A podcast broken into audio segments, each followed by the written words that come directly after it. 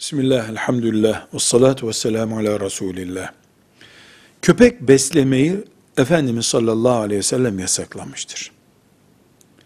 Köpek bulunan evde de melek bulunmayacağını da tembih buyurmuştur.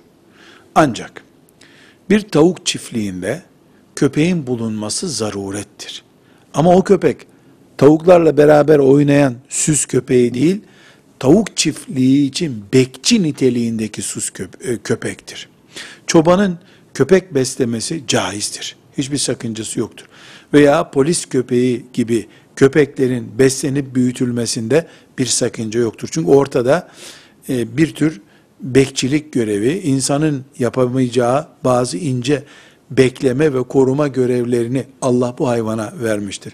Yasak olan süs için, zevk için, bir eğlence için köpek beslemektir. Tavuk çiftliği gibi bir yerde köpek beslenmesinde, bir fabrikanın bir bölümünün köpekler tarafından korunmasında, o hayvanların da e, normal şartlarda beslenip büyütülmesinde bir sakınca yoktur. Velhamdülillahi Rabbil Alemin.